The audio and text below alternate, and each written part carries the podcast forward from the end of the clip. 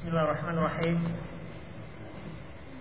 إن الحمد لله نحمده ونستعينه ونستغفره ونعوذ بالله من شرور أنفسنا وسيئات أعمالنا. من يهده الله فهو المهتد ومن يضلل فلن تجد له وليا مرشدا. أشهد أن لا إله إلا الله وحده لا شريك له وأشهد أن محمدا عبده ورسوله الذي لا نبي بعده. وقال الله سبحانه وتعالى يا أيها الذين آمنوا اتقوا الله حق تقاته ولا تموتن إلا وأنتم مسلمون.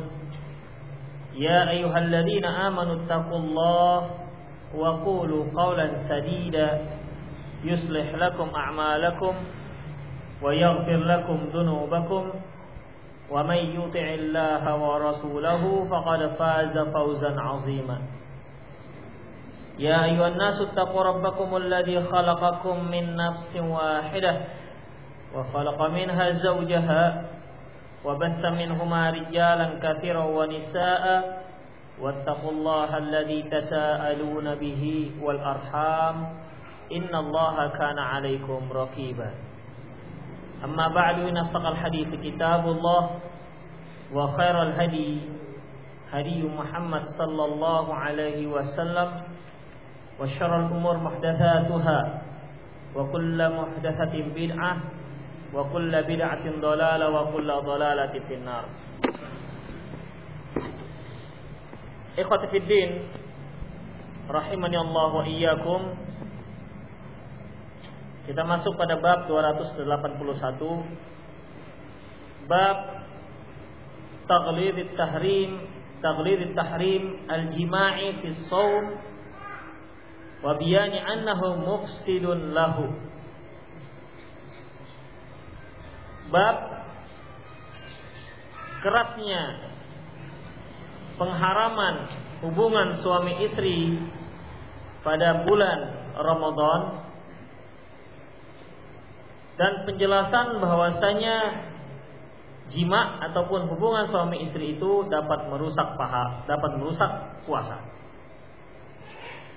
An Abi Hurairah radhiyallahu anhu dari Abi Hurairah radhiyallahu anhu Ja'a rajulun ila Nabi sallallahu alaihi wasallam faqala halaktu ya Rasulullah Seorang laki-laki menghadap Rasulullah sallallahu alaihi wasallam dan berkata, "Ya Rasulullah, hancur aku. Celakalah aku ini ya Rasulullah." Qala wa ma ahlakaka? Beliau bertanya, "Apa yang membuatmu celaka?" Qala, "Waqa'tu ala imra'ati fi Ramadan." Aku melakukan hubungan suami istri dengan istriku pada bulan Ramadan. Qala hal tajidu ma tu'tiqu raqabah?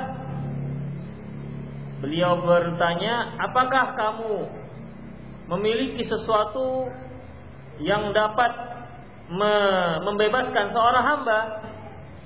Qala la. Kata laki-laki ini, enggak ada ya Rasulullah. Qala fa tastati'u an tasuma syahrayn mutatabi'ain. Beliau bertanya kembali, apakah engkau sanggup berpuasa dua bulan berturut-turut? Qala la. Laki-laki ini berkata tidak.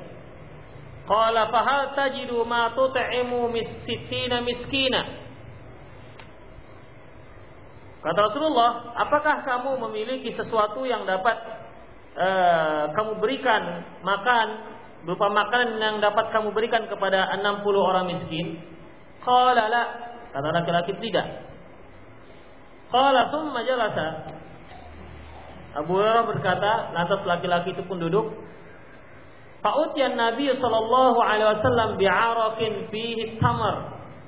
Lantas Rasulullah sallallahu alaihi wasallam dikirimkan uh, kepada beliau sekeranjang uh, kurma.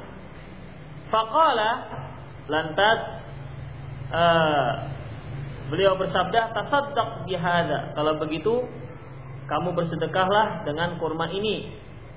Qala, "Afaqru afqaru minna?" Laki-laki ini bertanya kembali, apakah terhadap orang yang lebih fakir daripada kami, lebih miskin daripada kami? Fama baina labitaiha ahlul bait ahwaju ilaihi minna. Tidak ada penduduk yang yang yang tinggal di antara dua bukit ini yang lebih membutuhkan selain kami. Fadhahikan Nabi sallam hatta badat an yabuha an yabuhu. Lantas beliau pun tersenyum hingga terlihat gigi taring beliau. Tsumma qala idhab fa'at'imhu ahlak. Lantas beliau berkata, "Pergilah dan ambil uh, kurma ini dan berikan kepada keluargamu." Ikhwatiddin azinallahu wa iyyakum. Hadis ini sangat masyhur sekali di mana hadis ini memiliki uh, faedah yang syarat dengan hukum dan kaedah-kaedah usul fik. Pertama para ikhwatiddin rahimallahu wa iyyakum. Di sini Eh, laki-laki ini datang kepada Rasulullah sallallahu alaihi wasallam. Lantas dia berkata, "Waqa'tu ala imro'ati fi Ramadan." Sesungguhnya kalau kita artikan secara lafziah, aku terjatuh di atas di atas istriku. Itu dia bahasanya.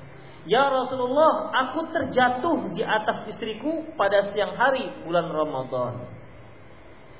Di mana laki-laki ini, ya laki-laki ini menggunakan bahasa isyarat. Menggunakan bahasa isyarat. Dia tidak katakan jamak tu. Jamak kan aku bersetubuh dengan istriku. Tidak menggunakan kata-kata ini. Karena dia sedang berhadapan dengan Rasulullah Sallallahu Alaihi Wasallam. Ya Rasulullah waqa'tu ala imraati. Ya ya Rasulullah, aku terjatuh di atas istriku. Rasulullah sallallahu alaihi wasallam paham dengan bahasa ini. Apabila dikatakan seorang suami jatuh di atas istrinya, itu sudah paham. Tidak perlu lagi di, dijelaskan. Ya. Ini dalam bahasa Arab dikatakan talmih. Talmih menggunakan sebuah ungkapan bahasa untuk memperhalus untuk memperhalus lafaz ya at-talmih namanya kemudian para hafidin rahimallahu iyyakum Rasulullah bersabda, apakah kamu memiliki, apakah kamu punya uang untuk memerdekakan hamba? Kata beliau, kata laki-laki ini tidak, tidak ya Rasulullah. Eh, apakah kamu sanggup untuk berpuasa dua bulan berturut-turut? Laki-laki ini mengatakan tidak. Dalam riwayat yang lain disebutkan Ya Rasulullah, dua bulan berturut-turut, yang sebulan saja kayak gini jadinya, begitulah kira-kira. Yang sebulan saja dia nggak tahan, hingga dia melakukan hubungan suami istri, apalagi yang dua bulan, tidak akan pernah selesai kalau dia yang melakukannya. Kemudian kata Rasulullah, apakah kamu sanggup memberi makan 60 fakir miskin? Laki-laki ini juga mengatakan tidak sanggup ya Rasulullah. Lantas pada saat itu uh, beliau mendapat kiriman, Rasulullah mendapatkan kiriman sekarung ataupun sekeranjang kurma dan kata beliau, uh, coba kamu bersedekah dengan kurma ini. Laki-laki ini kembali bertanya, ya Rasulullah, uh, apakah aku akan memberikan ini kepada orang yang lebih fakir, lebih fakir, lebih miskin dibandingkan kami? Tapi ya Rasulullah, tidak ada yang tinggal di antara dua bukit ini yang lebih fakir daripada kami. Kata Rasulullah, kalau begitu ya sudah kamu saja yang mengambil. Di sini para ikhwatiddin rahimahullah wa iyyakum ya Syekh Salim bin Al-Hilali menyebutkan beberapa fikihnya. Pertama, jima' muftir muftirun. Hubungan suami istri itu dapat membatalkan puasa seseorang. Kata'ami wa syarabi la khilafa baina ahli ilmi Fidalik seperti makan, minum dan tidak ada perbedaan pendapat perbedaan, tidak ada khilafiyah di antara para ulama dalam masalah ini. Berkata Ibnu Qayyim Jauziyah dalam kitab Mezadul Ma'ad wal Qur'anu dalla annal jima' muftirun kal akli wa syarab la ya'rifu fihi khilaf, la yu'rafu fihi khilaf. Quran juga menunjukkan bahwasanya hubungan suami istri itu dapat merusak puasa, membatalkan puasa sebagaimana halnya dengan makan dan minum dan tidak ada perbedaan pendapat di kalangan para ulama. Berkata Imam Syaukani dalam kitabnya Darari Al-Mudhi'ah, kata beliau, al-jima khilafun la khilafa annahu yubitul siyam idza waqa'a min 'amidin. Bahwasanya jima hubungan suami istri tidak ada perbedaan pendapat di kalangan para ulama bahwasanya dia dapat membatalkan puasa jika dilakukan dengan sengaja. Ya jika dilakukan dengan sengaja. Amma idza waqa'a nisyan fa ba'du ahli ilmi alhaqahu biman akala aw syariba nasiyan. Apabila dilakukan dengan dengan apabila dilakukan karena lupa misalnya lupa ini gimana mimpi. Hubungan suami istri. Bisa ya? Istrinya juga mimpi? Oh suami aja mimpi. Istri nggak mimpi? Istrinya pura-pura mimpi. Mungkin di awal-awal Ramadan begitu di awal Ramadan. Ah, ini masih Syaban ini begitu. Rupanya lupa dia. Bahwa saya tadi tadi pagi sudah sahur. Lupa. Tapi jarang lah orang lupa. Ya bisa saja terjadi lupa para ekafidin Gak sengaja atau tidak sengaja Gimana kira-kira coba nggak sengaja ini? Ya nggak sengaja lah pokoknya gitu ya, nggak sengaja tah, tah bagaimana lah. Eh, maka sebagian ahlul ilmi mengatakan me, me, me, menganalogikan hukumnya seperti orang makan dan minum karena lupa. Demikian. Jadi kalau ada seorang yang pada siang hari bulan Ramadan lupa bahwasanya hari itu bahwa uh, dia berpuasa Ramadan, lantas mereka melakukan hubungan suami istri, memang agak aneh ini suami istri lupa. suami istri lupa lah kita anggap saja lah suami istri lupa. Ya kalau satu saja nggak jadi ini, ya kalau satu aja nggak jadi. Lupa kita katakan. Maka sama seperti orang yang makan. Sebagaimana sabda Rasulullah SAW, uh, barang siapa yang makan atau minum pada siang hari bulan Ramadan karena lupa, maka dia itu seperti maka dia itu orang yang diberi makan dan minum oleh Allah Subhanahu wa taala. Demikian. Jadi bagaimana setelah itu dia lanjut puasanya? Lanjut. Demikian juga ini. Kalau lupa ya betul-betul lupa, pura jangan pura-pura lupa. Pura-pura lupa nggak nggak termasuk dalam masalah ini. Lupa ya setelah itu teringat. Oh iya. Ah, lantas lanjutkan. Kalau ingatnya sedang gimana? Sedang. Teringat itu sedang nggak bisa nggak bisa tanggung nggak ada kita tanggung di sini. Ya harus diselesaikan. Nggak maksudnya jadi diselesaikan harus dipotong acaranya. Karena dia teringat ketika ya ketika kita sedang makan sedang minum namanya juga dianalogikan dengan makan atau minum. Sedang minum setengah gelas eh iya sih ini sedang puasa. Lanjutkan tanggung begitu. Enggak. Sama juga ini nggak ada cerita tanggung. Ya nggak ada cerita tanggung jadi ya di-cut langsung cut begitu. Actionnya langsung di-cut. Demikian para ikhwatiddin rahimallahu iyyakum. Jadi ini seba pendapat sebagian para ulama. Berarti sebagian lagi ada yang mengatakan ya, ada yang mengatakan bahwasanya tidak sama seperti makanan minum. Kalau ada orang hubungan suami istri lupa pada siang hari Ramadan atau nggak sengaja, maka tetap ya, maka tetap dia itu membatalkan puasanya. Itu sebagian. Namun eh, pendapat yang roji adalah sama seperti makan dan minum. Karena prinsip daripada hukum kalaf, hukum taklif, artinya hukum yang dibebankan kepada kepada manusia pada khafiddin dasarnya adalah pertama la yukallifullahu nafsan illa wusaha. Bahwasanya Allah Subhanahu wa taala tidak akan membebani seseorang kecuali apa yang ia sanggupi ini prinsip dasar. Berarti ketika seorang itu lupa, termasuk sesuatu yang di luar kesanggupannya. Namanya juga lupa. Demikian juga tidak sengaja. Ini juga di luar kesanggupannya. Oleh karena itu Rasulullah Shallallahu Alaihi Wasallam uh, uh, bersabda dalam sebuah hadis, Anna Allah tajawaza, Inna Allah tajawaza ala ummati Sungguhnya Allah Subhanahu wa taala memaafkan umatku pertama uh, al-khata. Al-khata yaitu tak sengaja. Wanisian lupa. Wa mastukrihu dan apa yang dia lakukan dengan terpaksa. Apa yang dia lakukan dengan cara terpaksa. Dan terpaksa ini para ikhwatiddin juga ada syaratnya. Pertama, terpaksanya pada waktu itu. Misalnya seorang yang dipaksa untuk lakukan hubungan suami istri pada siang hari Ramadan. Kamu lakukan hubungan suami istri, kalau enggak aku tembak kepalamu. Misalnya dipaksa dia. Maka syaratnya harus waktu itu. Barulah dikatakan dia terpaksa. Tapi kalau seandainya kamu lakukan hubungan, kalau tidak aku aku tembak kepalamu, tapi nanti sebulan lagi. Ini tidak dikatakan terpaksa. Terpaksanya kapan? Sebulan lagi. Hmm. Dan nampak orang itu sungguh-sungguh. Kalau seandainya tidak sungguh-sungguh, tidak bisa.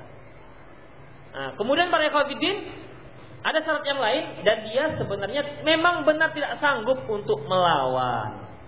Ya, tidak sanggup untuk melawan.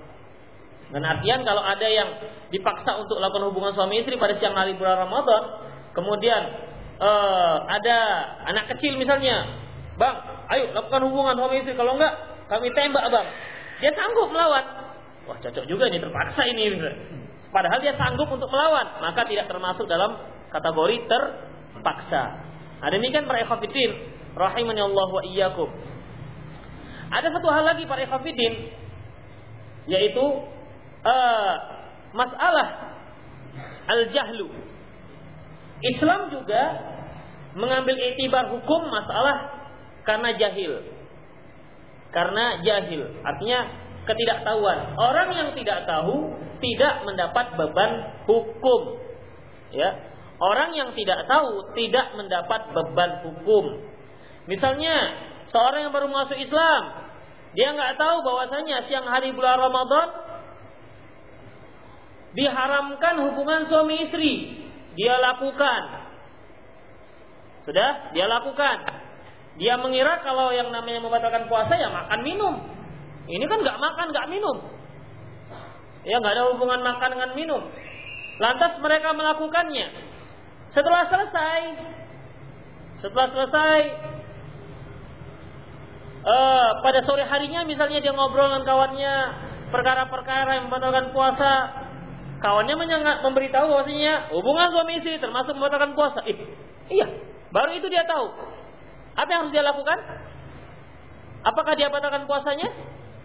Tidak, maka dia lanjutkan. Ya. Allah Subhanahu wa taala menyebutkan dalam firman-Nya, "Wa ma kunna mu'adzibina hatta nab'atha rasula."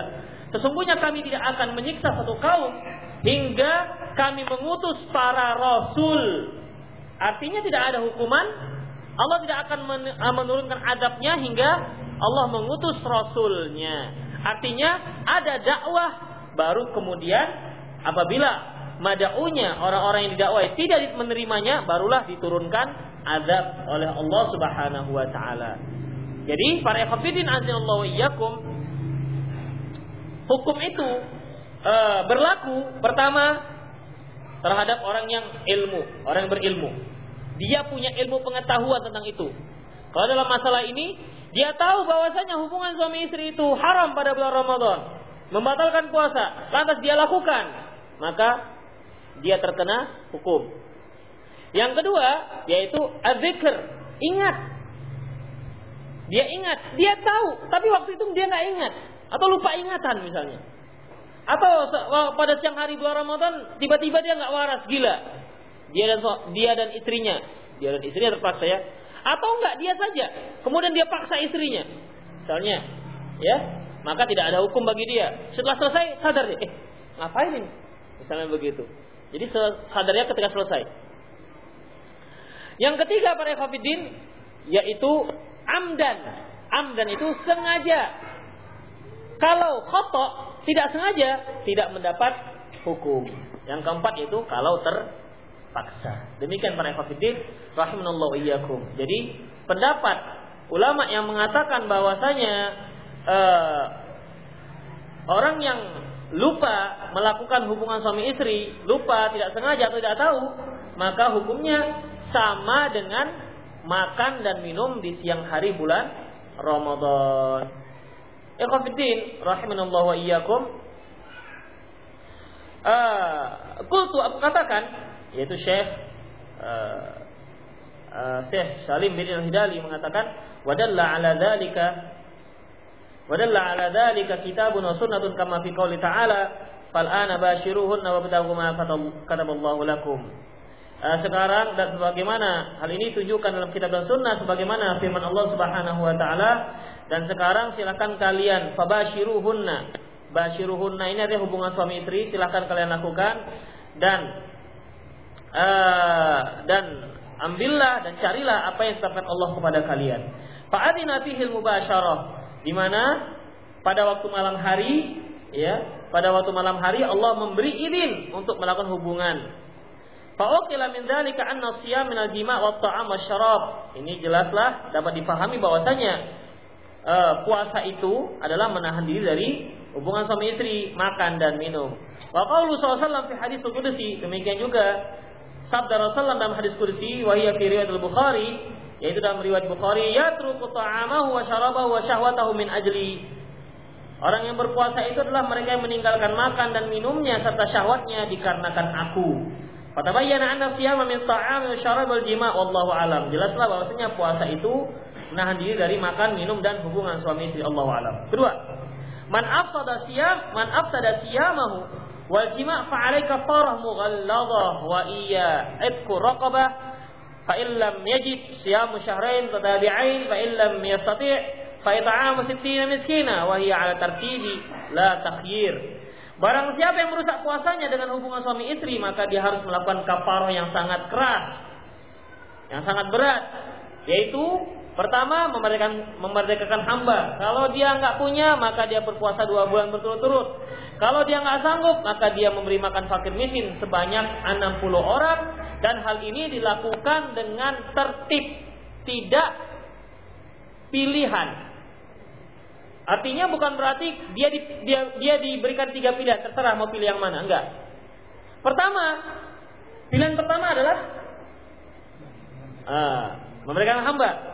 Kalau nggak sanggup, maka puasa dua bulan. Kalau nggak sanggup, maka beri makan 60 fakir miskin. Jadi demikian.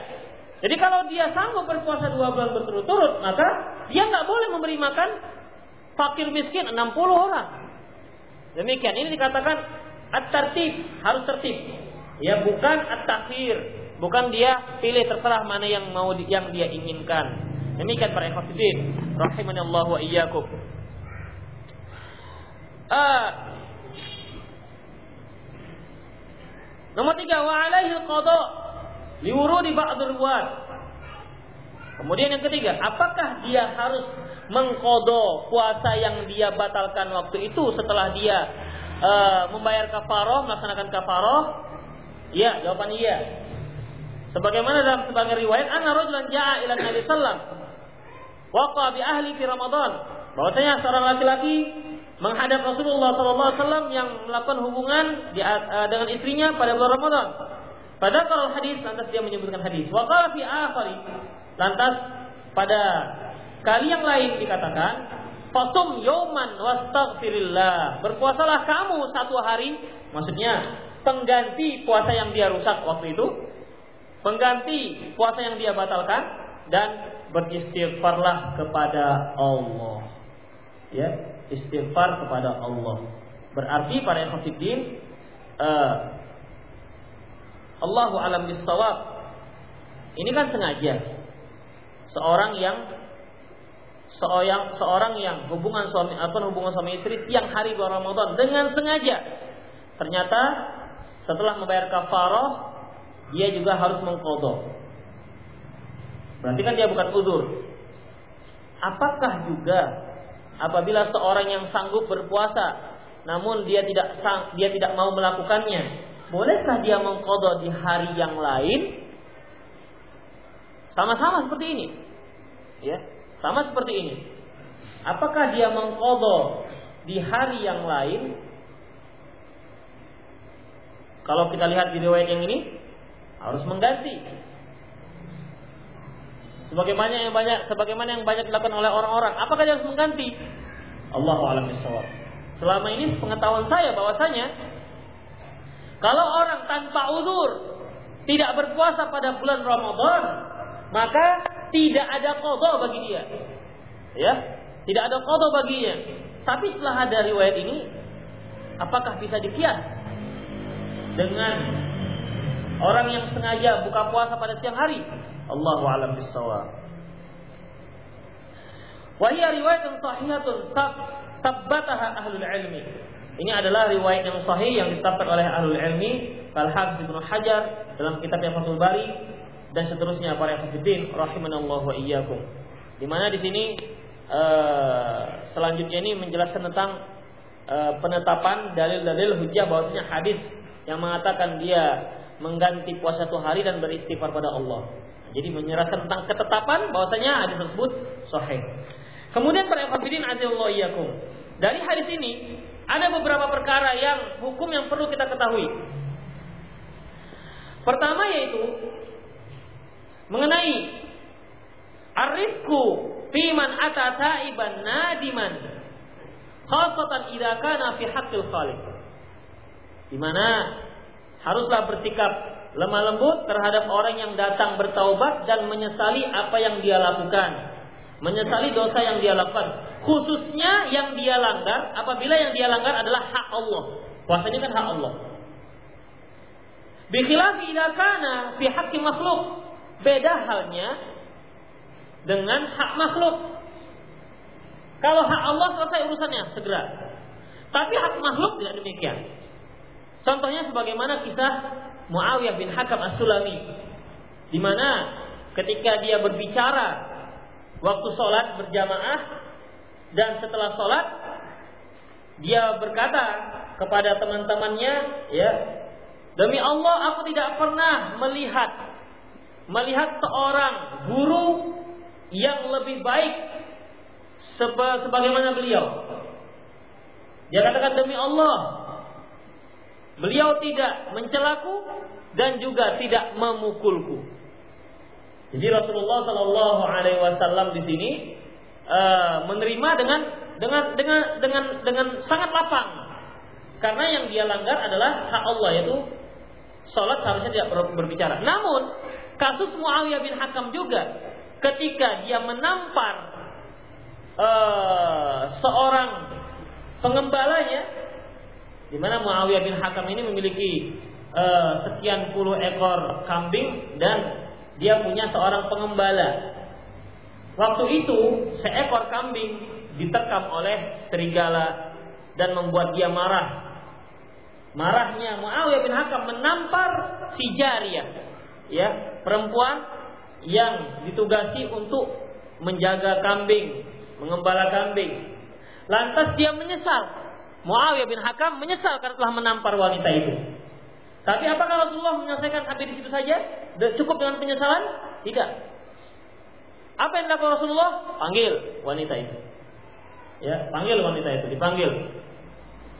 Lantas Rasulullah bertanya dengan pertanyaan yang sangat masyhur.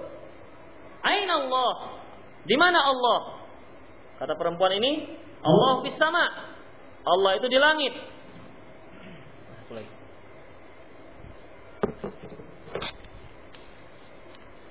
Allah di langit. Kata perempuan ini. Kemudian para hafidin rahimanallahu wa iyyakum. Man ana? Siapa aku kata Rasulullah? Anda adalah Rasulullah. Apa kata beliau? A'tikha fa innaha mu'minah. Kata beliau kepada Muawiyah bin Hakam yang telah menampar. Ini berkaitan kejahatan yang berkaitan dengan makhluk. Ya, apa kata beliau? Merdekakan dia. Nah, merdekakan dia karena dia adalah seorang wanita yang mukminah. Demikian para ikhwatiddin. Jadi, pelanggaran terhadap hak Allah sebenarnya lebih mudah urusannya ketimbang pelanggaran terhadap hak makhluk. Makanya taubat dari penzoliman makhluk harus memiliki syarat yang lebih lebih satu poin yaitu harus minta maaf para hafidin rahimanallahu wa iyyakum. Kalau ada hartanya harus dipulangkan dan seterusnya. Itulah dia. Di mana para hafidin rahimanallahu wa iyyakum, Rasulullah sallallahu alaihi wasallam ya menghadapi Muawiyah bin Hakam As-Sulami ini sama dengan laki-laki yang sengaja melakukan hubungan suami istri di bulan Ramadan. Demikian. Kemudian para ikhwatiddin, Hurmatul zaman, kehormanil makan. Bahwasanya kehormatan masa, waktu sama dengan kehormatan tempat. Di mana dalam Islam para ikhwatiddin ada tempat-tempat yang memang dihormati. Yang harus dimuliakan. Seperti Haramain, Syarifain, daerah Haramain, daerah Haramain seperti da daerah uh, Masjidil Haram dan sekitarnya. Kemudian daerah sekitar Masjid Nabawi. Demikian. Ini daerah yang dimuliakan. Itu merupakan daerah yang paling tinggi kemuliaannya. Pertama, uh, pertama uh, daerah Haramain ya, Ka'bah dan uh, Makkah uh, apa namanya Masjid Haram sekitarnya. Kemudian Masjid Nabawi dan sekitarnya. Yang ketiga Masjid Aqsa, tapi dia nggak pakai sekitarnya. Masjid Aqsa, Masjid Aqsa-nya saja. Di luar Masjid Aqsa tidak. Kemudian apa lagi? Masjid, ya, masjid Baitullah, tempat-tempat yang dihormati oleh Allah oleh oleh Islam. Demikian juga waktu ada yang dihormati seperti Ramadan, Jumat, ya. Ada acara-acara ritual khusus dalam Islam yang diajarkan Rasulullah Sallallahu Alaihi Wasallam. Ya, sebagaimana yang kita sebutkan tadi hari Jumat di mana Rasulullah menyebutkan keutamaan hari Jumat, sungguhnya pada hari Jumatlah Rasulullah SAW eh, pada hari Jumatlah Nabi Adam diciptakan dan pada hari Jumat juga kiamat akan terjadi. Demikian. Kemudian muncul sebuah permasalahan bahwasanya apabila seorang melakukan hubungan suami istri pada siang hari selesai lantas Selanjutnya, apakah dia boleh makan dan minum sepuasnya? Kan sudah batal puasanya. Setelah dia selesai melakukannya, apakah dia harus berpuasa? Pendapat yang rojih para hafidin bahwasanya dia tetap harus menahan dirinya. Ya walaupun puasanya hari itu sudah batal, namun dia tetap menahan dirinya dari makan dan minum dan hal-hal yang membatalkan puasa. Namun tetap saja dia harus mengkodok puasanya. Mengapa demikian? Karena dia telah merobek kehormatan siang hari bulan Ramadan. Kemudian masalah lain. Laki-laki ini datang kepada Rasulullah dengan kasus yang dia bawa. Kata Rasulullah, kamu harus melakukan ini, ini, ini, ini. Bagaimana dengan istrinya Apakah jika terjadi hal ini di siang hari bulan Ramadan yang terkena puasa dua bulan berturut-turut memerdekakan hamba dan memberi makan fakir miskin hanya suami saja atau istri juga? Karena yang namanya hubungan suami istri itu ya ada dua-dua. Pasti ada dua-dua, ada istri dan ada suami. Apakah istri juga kena? Hmm. Yang antum dengar bagaimana?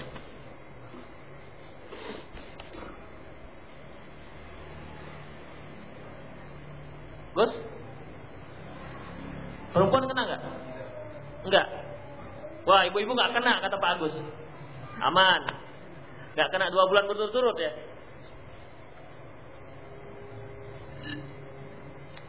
Ikhwafidin rahimallahu iyyakum.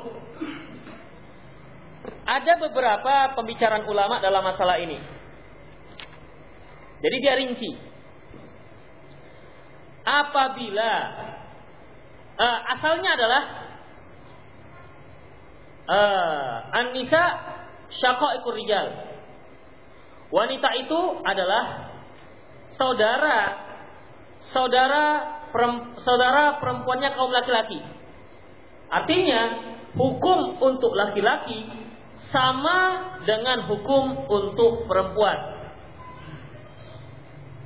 Kemudian para ikhwatiddin rahimallahu. Apakah semua wanita akan terkena? Tidak. Ya, tidak. Mengapa demikian? Apabila seorang wanita diajak suaminya pada siang hari bulan Ramadan melakukan hubungan suami istri, dia rela dan ridho, maka keduanya terkena kafaroh. Keduanya terkena kafaroh Memerdekakan hamba atau puasa dua bulan berturut-turut atau memberi makan 60 fakir miskin. Kalau si wanita juga terkena kafaroh, siapa yang membayar? Hah? Suami atau istri atau masing-masing?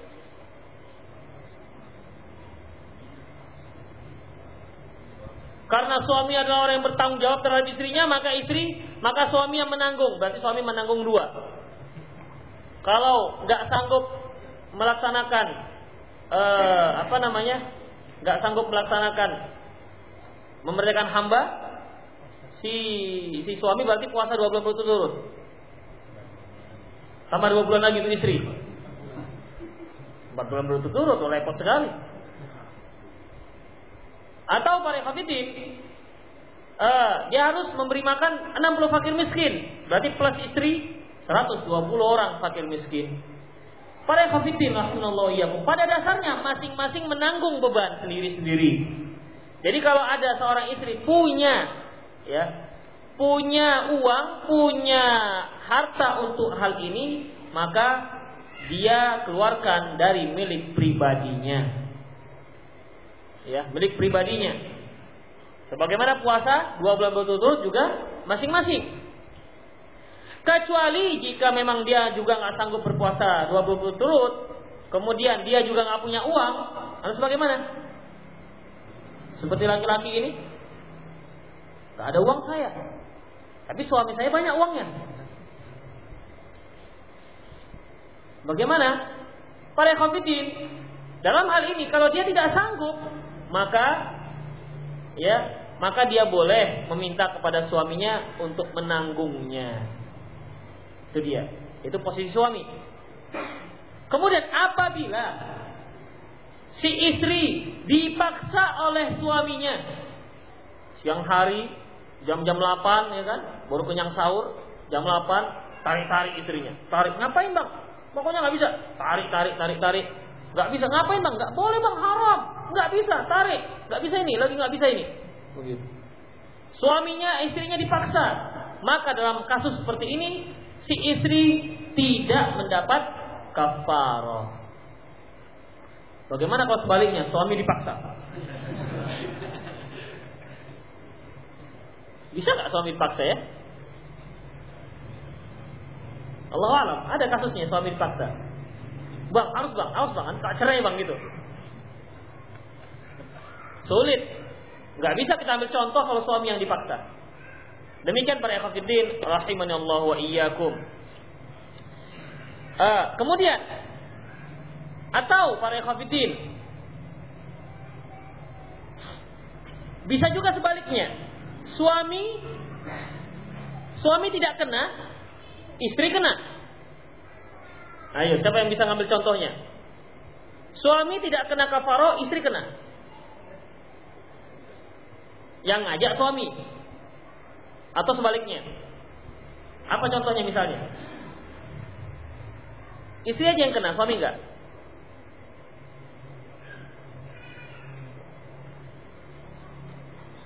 Hmm? Suaminya nggak puasa? Enggak, ini sama-sama puasa. Sama-sama puasa bulan Ramadan.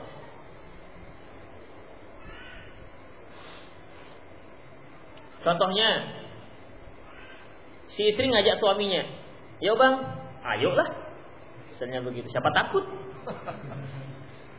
Tapi si istri suami menerima tantangan si istri, waktu itu dia lupa. Si istri ingat, tapi dia diam-diam saja, nanti suami ingat. Misalnya, berlangsunglah adegan tersebut. Maka dalam posisi seperti ini, ketika suami teringat, loh dek, ini kan puasa dek. Kenapa nggak diingatkan? Kalau abang, kalau saya ingatkan abang nggak mau, kan begitu misalnya. Maka dalam posisi seperti ini, si suami nggak kena, si istri kena. Nah demikian. Jadi hal ini para ikhwatiddin rahimallahu yakum kembali kepada uh, empat prinsip tadi. Bahwasanya hukum itu dibebani pada seorang pertama ala ilmu, dia punya ilmu. Yang kedua, yaitu apa tadi? Adzikr, ingat. Yang ketiga, amit sengaja. Yang keempat, tidak terpaksa. Demikian para ikhwatiddin rahimani Allah wa iyyakum. Kemudian kita lanjutkan bab selanjutnya 282 Bab kirahiyatil kublah wal mubasyarah li syabbi duna syekh. Bab dimakruhkan mencium ataupun mencumbu istri bagi seorang pemuda, bagi suami yang masih muda. Namun tidak demikian halnya apabila suaminya sudah tua renta. Nah, jadi kalau antum yang merasa sudah tua, boleh. Tapi kalau merasa masih muda, masih panas, ya masih uh, voltasenya masih masih prima, maka dimakruhkan melakukan hal itu. Hadis yang diriwayatkan oleh Imam Ahmad dengan sanad yang hasan dari Abdullah bin Amr bin As radhiyallahu anhu qala dia berkata, "Kunna 'inda Nabi sallallahu alaihi wasallam Ketika kami bersama Rasulullah sallallahu alaihi wasallam, tiba-tiba datang seorang pemuda. Ya, datang seorang pemuda. Faqala, dia berkata, "Ya Rasulullah, uqabbil wa ana sha'im." Boleh saya mencium istri saya sementara saya sedang puasa? Qala lah. Kata Rasulullah enggak. Enggak boleh. Tengoknya ini anak ini masih muda ini. Faja'a syaikhun. Kemudian datang seorang kakek-kakek. Faqala. Pertanyaannya sama. Uqabil wa sa'id. Ya Rasulullah boleh saya mencium istri saya? Dan saya masih sedang puasa. Qala. Beliau menjawab, "Na'am." Iya, boleh. Kenapa nggak boleh? Siapa yang melarang? Begitulah kira-kira. Boleh. Qala Lantas Abdullah bin Amr berkata, "Fanadhara ba'duna ila Kami pun akhirnya saling berpandang-pandangan. Cemana Rasul? Tadi nggak boleh, ini boleh. Anak muda dibolehkan, kakek kak, anak muda nggak dibolehkan, kakek kakek yang datang boleh. Kami pun melihat, saling melihat. Nah, itu tandanya ada pertanyaan besar. Dan Rasulullah merespon hal ini pada Yakobiddin. Ini salah satu apa namanya? Salah satu uh, uslub dalam berdakwah bahwasanya seorang yang seorang dai dalam memberi pelajarannya harus respon dengan kondisi madaunya. Jangan sudah tunduk semua masih terus dia semangat, semangat begitu. Ini perlu perlu diakhiri berarti sudah sudah letih orangnya. Ya. Di sini para sahabat saling melihat melihat saja Rasulullah langsung respon. Apa respon Rasulullah SAW? Langsung diberi jawaban. Padahal kan tidak ditanya. Langsung cepat tanggap Rasulullah SAW dengan hal itu. Tahu beliau. Ini tahu maksudnya apa. Mengapa saling lihat melihat? Sekali lagi, padahal ya, padahal sahabat belum bertanya. Sebagaimana sahabat juga ya merespon dengan apa yang disebutkan Rasulullah SAW. Memahami sebelum Rasulullah menyebutkan. Jadi antara si mada'u dengan da'inya memang apa namanya? Ter, uh, terjalin interaksi yang interaktif yang sangat sangat kuat. Contohnya, ketika Rasulullah SAW memberikan wejangan, wa'adana Rasulullah mau'izatan muat mau'izatan balighatan.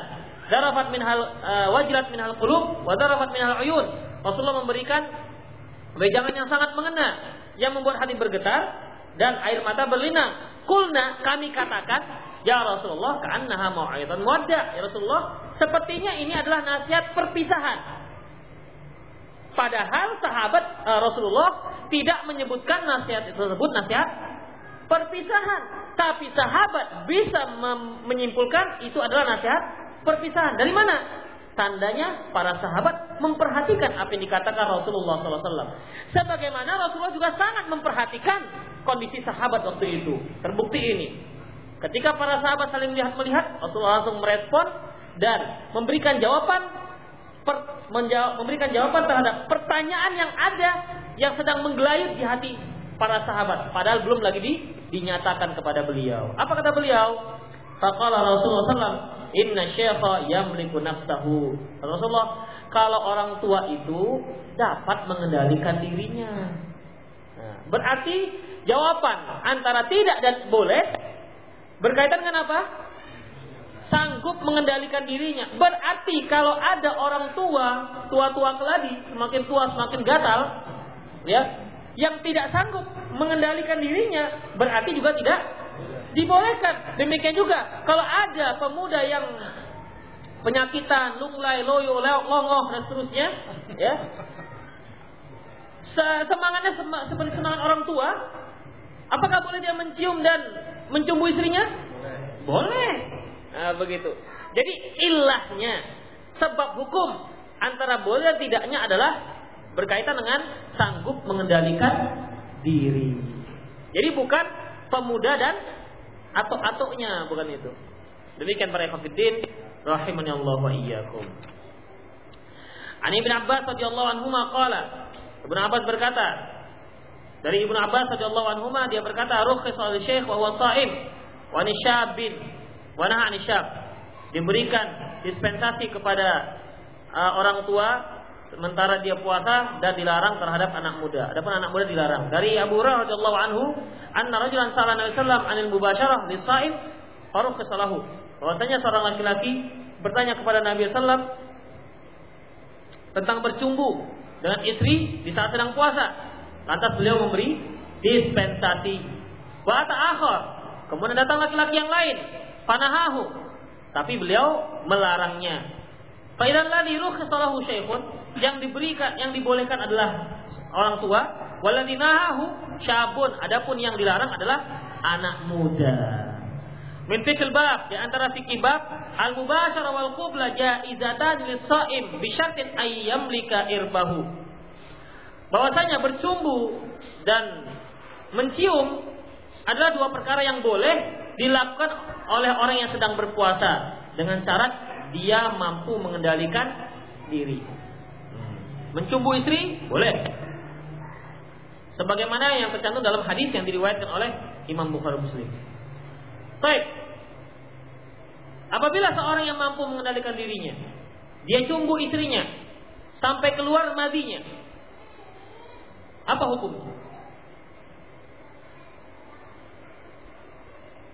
Ini 17 tahun ke atas ya. Yang 17 tahun ke bawah tutup kuping. Ah. Hah? Gimana? Tidak boleh, berarti sudah diiringi oleh hawa nafsu. Ya. Yang lain? Tidak mengapa. Mengurangi pola iya, ya. Namanya juga pendapat ya, boleh-boleh aja ya. Ah, yang lain? Dari sebelah sini lah. Yo. Gimana? Gak boleh karena nggak dapat mengalihkan diri, ya uh, berarti dari sini saya bisa simpulkan belum bisa dipahami apa yang dimaksud dengan mengendalikan diri. Sekarang apa yang dimaksud dengan orang yang dapat mengendalikan diri? Terhadap apa? Hmm. Coba dan tadi kita mengendalikan diri, mengendalikan ngapain? Mengendalikan diri apa sekarang? Terhadap apa? Ha? Nafsu syahwat. Ya itu. Hah? Hubungan suami istri ini yang dimaksud. Ya. Ini yang dimaksud. Kalau seandainya hanya dengan syahwat, itu yang dimaksud mengendalikan diri, berarti kalau ada ya, kalau ada laki-laki misalnya melihat seorang wanita ya, kemudian muncul syahwatnya, berarti hukumnya nanti sama dengan orang yang iya, Begitu jadinya. Nah sekarang saya tanya, seorang seorang sedang berpuasa, naik syahwatnya, apa hukum bagi dia? Ya nggak tahu entah sebab apa. Kadang-kadang kan bisa sebab makanan. Ya, sahur dia makan kambing. Kan kambing. Jam 9 itu panas saja bawaannya. nah, demikian para ikhwatiddin rahimallahu Apa hukum bagi dia? Apakah batal puasanya? Apakah kurang pahala puasanya? Hah? Tidak juga. Demikian ya. Itulah yang namanya mengendalikan diri ketika puasa. Ya, menahan diri dari makan, minum dan hubungan suami istri. Kalau seandainya kita memang nggak makan-makan, nggak ada selera makan, nggak minum-minum, juga tidak ada selera hubungan suami istri, tidak ada cerita mengendalikan namanya. Karena yang namanya manusia memang butuh makan, butuh minum, butuh hubungan suami istri. Makanya pada siang hari bulan Ramadan muncul syariat supaya dikendalikan. Nah, demikian. Ya, demikian para ikhwatiddin rahimani Allah wa iyyakum. Jadi bagaimana boleh enggak berjumbu tadi? Walaupun keluar madinya. Hah? Boleh, ya. Dan tidak makruh. Tidak makruh. Kecuali kalau sampai mengeluarkan air spermanya maka batal puasanya. Kafaroh apa enggak? Hah? Kafaroh apa enggak? Dua bulan berturut-turut? Hah? Enggak. Kenapa? Karena dia tidak melakukan hubungan suami istri. Nah demikian. Ada yang malu-malu mendengarnya. Ini hukum para ikhwafidin. Nanti terjadi pada diri antum. Ini kafaroh ya. Tiba-tiba puasa dia dua bulan berturut turut kurus. Akhi, antum kenapa kok kurus kali ya? Puasa saya Ustaz dua bulan Kenapa? Inilah kisahnya. Ah, antum nah, salah rupanya. Hah? Ngantuk dengarnya? Oh gitu. iya, atau ketika dengar ngantuk ya. Nah, demikian. Salah kan kasihan. Udah udah apa namanya sudah 68 hari dia 58 hari dia puasa. Tinggal dua hari lagi. Baru ketahuan salah. Kasihan. Yuk. Nah, demikian ya para ikhwatiddin rahimallahu wa iyyakum. Innallaha la yastahi minal haq. Sungguhnya Allah itu tidak tidak malu dengan kebenaran karena ini masalah hukum. Kemudian para ikhwatiddin rahimallahu wa iyyakum. Nomor dua, lidzalika wa kama khasara sallam fil qiblati wal mubasyarati li syekh wa nahasyab. Oleh karena itu Rasulullah SAW melarang mencium ataupun bercumbu dengan uh, istri. Ya ini mencium dan bercumbu maksud dengan istri ya. Kalau dikatakan mencium anak, perhatikan para ikhwatiddin. Kalau kublah itu dengan bibir dalam bahasa Arab. Kalau dengan hidung, seperti antum mencium bau minyak wangi, itu dikatakan syamun Nah, syamun. Jadi di sini kubla dan mubasyarah ya. Kubla dan mubasyarah mencium dan menyumbui ini kaitannya dengan lawan jenis. Bukan mencium anak. Nah, ya. Bukan mencium anak. Nanti kalau begitu, kalau mencium seorang ayah mencium anaknya, ayahnya masih muda, anaknya masih bayi, berarti makruh. Nah, nanti salah paham lagi antum kan? Kata Ustadz nggak boleh kalau seorang yang masih muda mencium. Dia pun mikir, mencium, mencium bunga, mencium wangi haram, apa makruh. Karena masih muda. Kalau udah kakek-kakek boleh mencium minyak wangi ketika siaran bulan Ramadan. Ya. Antum jangan salah paham. Mencium ini kaitannya dengan syahwat. Nah, berarti dengan lawan jenis. Jadi kalau antum mencium lembu, itu enggak enggak makruh. Ya dia sayang dengan lembunya. Nah, demikian. Kecuali kalau sampai naik syahwat, ini lain lagi, cium lembu naik syahwat. itu udah parah betul itu. Nomor tiga, walihada, lianna syekh amlak amlaka li nafsihi min. Karena yang orang tua itu lebih dapat mengendalikan dirinya daripada anak muda. Nomor tiga, wahada nahyu nahyu tanzihi wallahu alam. Larangan ini pun larangan tanzih, larangan makruh. Demikian para ikhwatiddin rahimanallah ya. Jadi yang anak muda ya, yang anak muda itu dilarang larangannya itu bukan bukan haram tapi makruh. Mengapa demikian? Karena hal ini bisa menjurus kepada perbuatan yang diharamkan yaitu hubungan suami istri. Nah, demikian ya para azallahu iyyakum.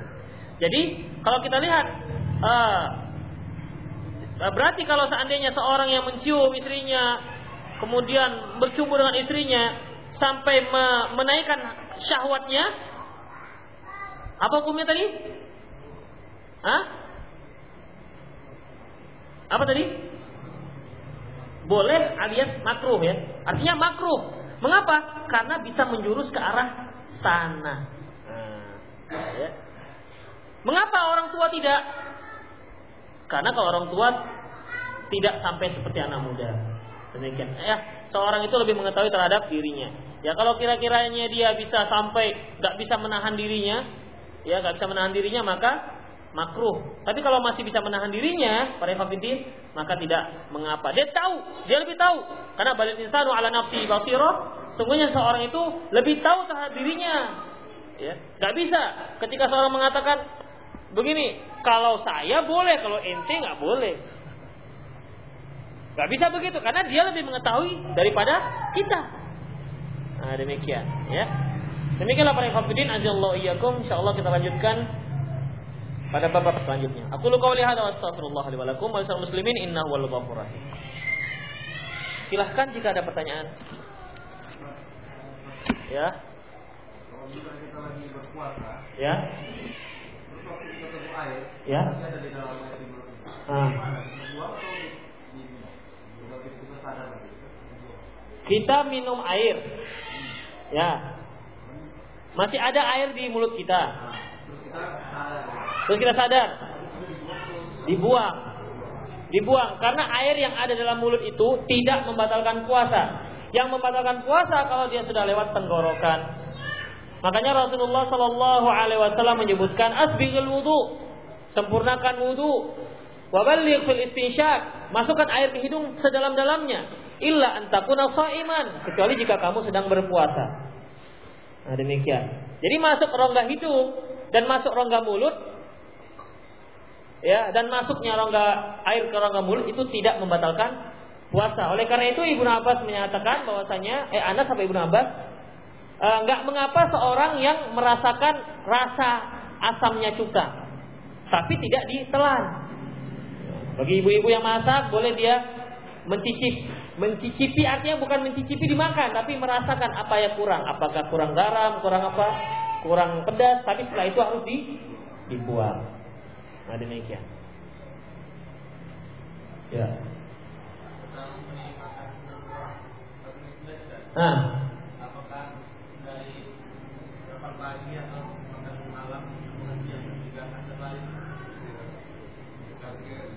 Iya memberi makan 60 fakir miskin sama dengan fidyah itu sekali makan. Bukan satu hari makan. Karena satu hari makan itu tidak ada tidak ada standarnya. Di Medan oke tiga kali sehari. Di Jogja itu dua hari sekali.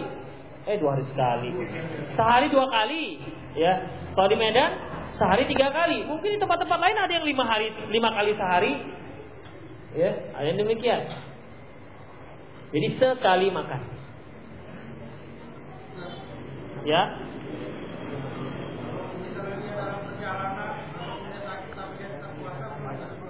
Oh nanti kita bahas mengenai safar orang puasa. Ada hadis berbunyi dosa penzina sama dengan dosa pemungut pajak. Pertanyaannya pemungut pajak yang bagaimana dikatakan berdosa? Pemungut pajak bagaimana? Allah Allah. Bolehkah berbuka dengan berhubungan dengan istrinya? Ya, para hafidin. Bolehkah seorang itu membuka puasa dengan hubungan suami istrinya? Jadi ketika dung dung dung dung dung Allah sah, langsung. Jadi udah siap-siap itu. Kita buka puasa dengan melakukan hubungan. Boleh, boleh. Iya, boleh. Terus doanya apa? Apa zahabat mau?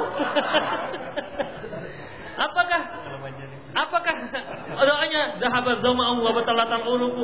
Artinya itu kan telah hilang haus dan telah basah urat-urat. Ini apa yang haus kan begitu. Tambah haus pun. Jadi bagaimana? Intinya boleh. Artinya membatalkan puasa, membuka puasa dengan apa saja membatalkan puasa selama bukan hal yang diharamkan. Nah, demikian. Tapi tentunya ketika dia membatal, dia membatalkan dengan hubungan suami istri tidak sama dia apa dengan baca doa puasa yang lainnya. Nah, demikian ya. Ajallahu Bagaimana kalau melakukan hubungan suami istri di waktu berpuasa dan istri dalam keadaan haid? Terlarang. Iya. Si istri si suami kena kafaroh, ya. Kafaroh Sementara si uh, si suami terkena kafaroh dan juga terkena kafaroh mendatangi istri ketika haid. Ya menurut pendapat yang Raja Allah alam bisawab. Karena ada hadis yang menyebutkan tidak ada kafarah kecuali berinfak sekian dinar begitu. Di sini para ulama berselisih pendapat tentang kesohian hadisnya. Allahu alam bisawab. Adapun si istri tidak terkena apa-apa. Namun di sini seorang istri haruslah lebih lebih apa namanya? lebih proaktif dalam mengingatkan suaminya. Ingatkan suaminya. Jangan bang, jangan. Waktu terlarang, sebutkan. Demikian. Jangan diam-diam saja.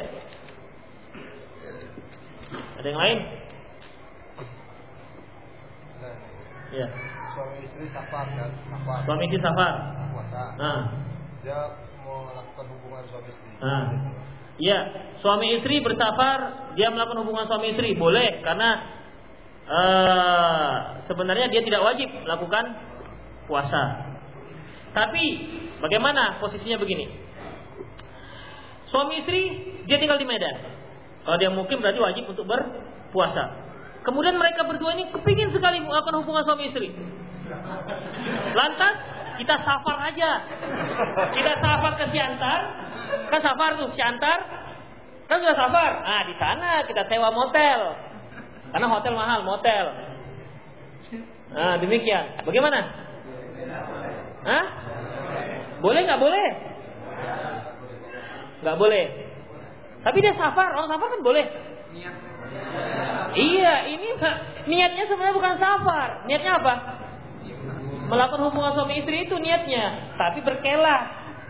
Begitu ya. Itu nggak dibolehkan. Tapi kalau memang dalam keadaan safar, mereka melakukan itu dibolehkan.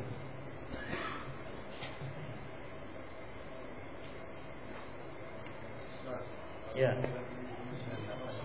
Hah? Boleh apanya? Kalau dia tidak takut apa namanya terhadap dirinya dan bayinya, boleh.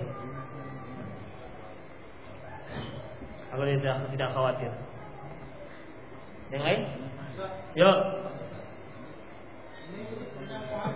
Ah. Diajak haji. Ah. Ah.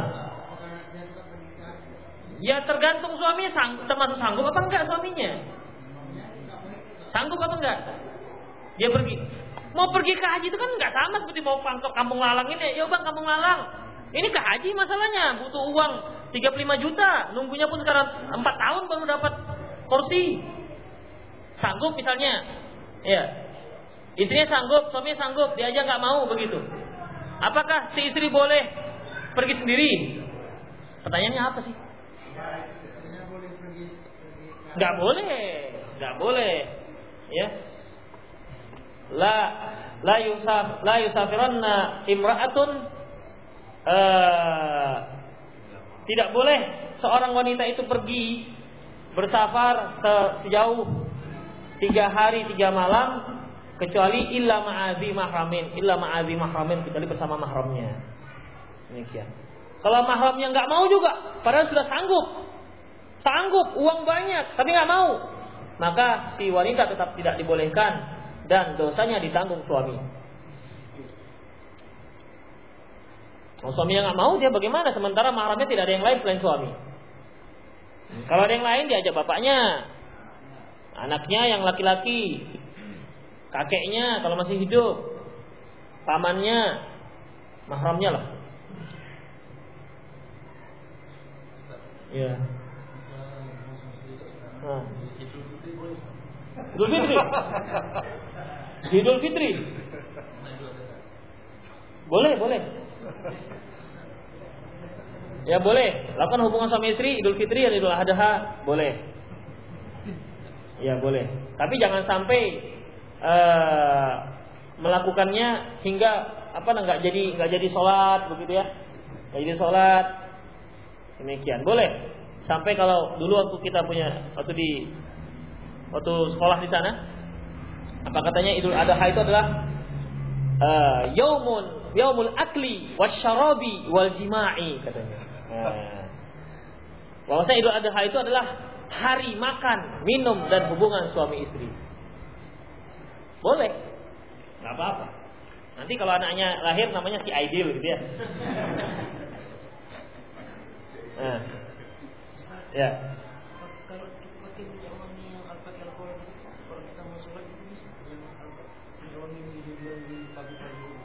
Yang di pabrik-pabrik. yang di ada Iya jangan minyak wangi al- alkohol yang jual di pabrik-pabrik. bukan yang dijual bebas Oh, yang nggak bebas boleh. yang pakai merek gitu yang nggak merek boleh. Ya sama aja. Pokoknya minyak wangi yang beralkohol, yang mau dijual di pabrik-pabrik maupun dijual di samping masjid sama aja. Nah, alkohol itu pada azallahu yakum menurut pendapat yang rojih bukan najis. Ya. Alkohol itu tidak najis. Demikian. Eh, pendalilannya alkohol itu sebenarnya dianalogikan dengan khamar. Karena alkohol dikatakan umul khamar. Sementara khamar itu sendiri, khamar minuman yang memabukkan, ya, yang roji dia tidak najis. Najis sih najis, tapi bukan najis hakiki. Dia adalah najis najis maknawi. Uh, innamal khamr wal maisir wal ansab wal azlam rijsum min amal syaitan. Sesungguhnya eh, khamar, judi, undi nasib dan berhala itu rijisun. Rijisun ini artinya banyak, bisa najis, bisa merupakan perbuatan yang buruk, ya. Ini arti rijisun. Min amal syaitan, termasuk amalan syaitan. Berarti najis yang dimaksud adalah bukan najis hakiki kalau antum ketiga tai apa yang tai manusia misalnya, kotoran manusia terkena, itu bagaimana caranya? Dicuci. Itu najis hakiki namanya. Tapi di sini najis termasuk amalan syaitan. Adakah amalan itu kalau tersenggol kita harus cuci? Nggak ada. Nah, berarti khamar pada hafidin yang dimaksud di sini adalah amalannya rijisun. Maknanya adalah rijisna, najis yang maknawi. Itu yang rojih. Berarti kalaupun alkohol dianalogikan dengan khamar, dia juga tidak najis. Kalau tidak najis, ya sudah. Boleh digunakan untuk minyak wangi karena dia tidak najis. Itu dia. Paham ya? Tadi sudah selesai. Jangan tadi. Enggak, udah jelas. Oh, ya udah jelas. Saya kira mau. Ah. Jadi kesimpulan apa tadi? Boleh memakai minyak wangi yang ada mengandung alkohol karena alkohol itu tidak yang rojih bukan najis. Baik alkohol yang dibuat dijual di pabrik-pabrik maupun yang di pinggir masjid, baik yang legal maupun yang ilegal. Sama.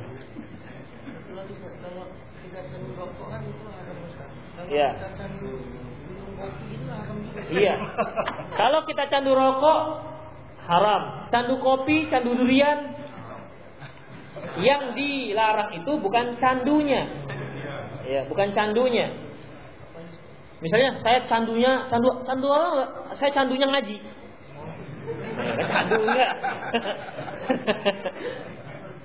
candu itu kan kebiasaan hingga terkait hatinya dengan dengan sesuatu itu dikatakan candu. Ya, jadi para hafidin eh, rokok itu bukan dikarenakan candunya diharamkan tapi dikarenakan rokoknya karena mengandung perka, eh, apa namanya hal-hal yang dapat 100% dapat memudaratkan tubuh ya. Kalau tidak percaya bacalah di kotak-kotak rokok. Rokok dapat membuat menyebabkan apa? Kanker. Nggak usah kanker lah yang ujungnya impotensi itu saja. Kalau orang waras kalau dia tahu maka minum rokok apa mengisap rokok dia impoten saya yakin dia tidak akan mau. Tapi kebanyakan orang merokok itu udah nggak waras iya tidak lagi menggunakan akal sehatnya. Hah? Oh gitu ya.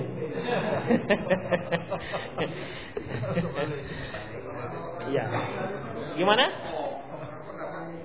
Sama aja sekali-sekali.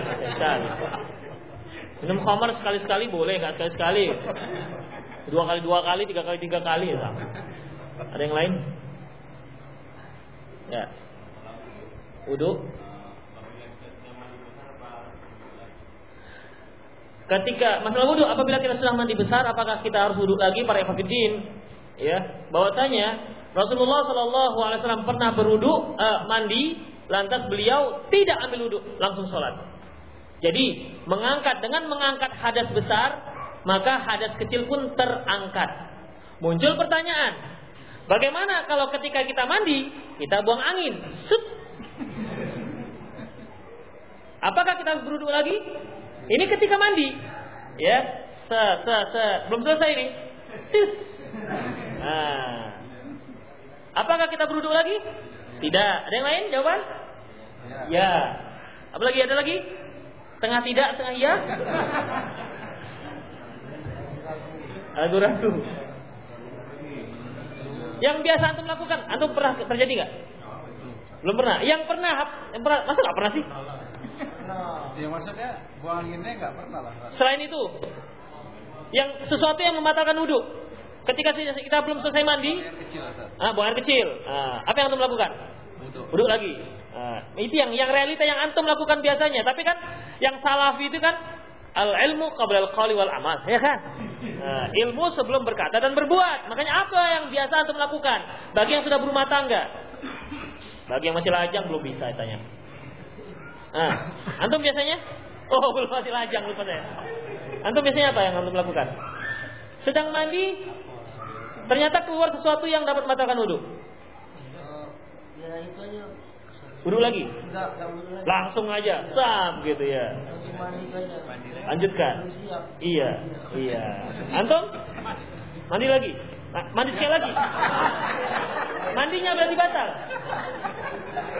Nah, mandinya batal diulang lagi. Itu, ya.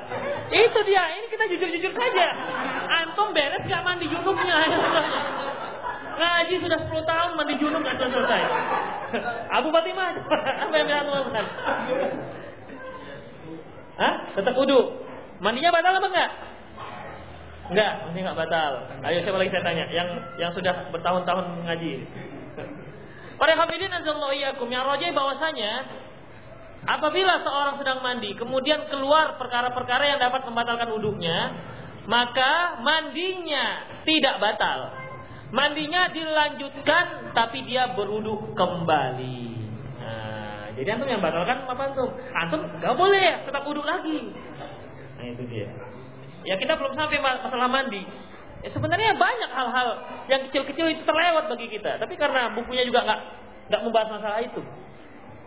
Demikian para hafidin rahimahullah iyyakum. Ya, demikianlah cukup ya. Ya, kalaupun antum ada pertanyaan silahkan malam Selasa depan. Aku lu qouli hadza wa astaghfirullah li wa lakum wa lisal muslimin. Subhanakallahumma rabbana wa bihamdik asyhadu an la ilaha illa astaghfiruka wa atubu ilaik. Mengenai masalah mandi memandi, mandi junub tadi dan hal-hal yang berkaitan dengan masalah mandi junub, antum bisa lihat di kitab Sahih Fikih Sunnah disebutkan dengan rinci. Perkara-perkara yang berkaitan dengan eh, kasus-kasus yang berkaitan dengan mandi wajib.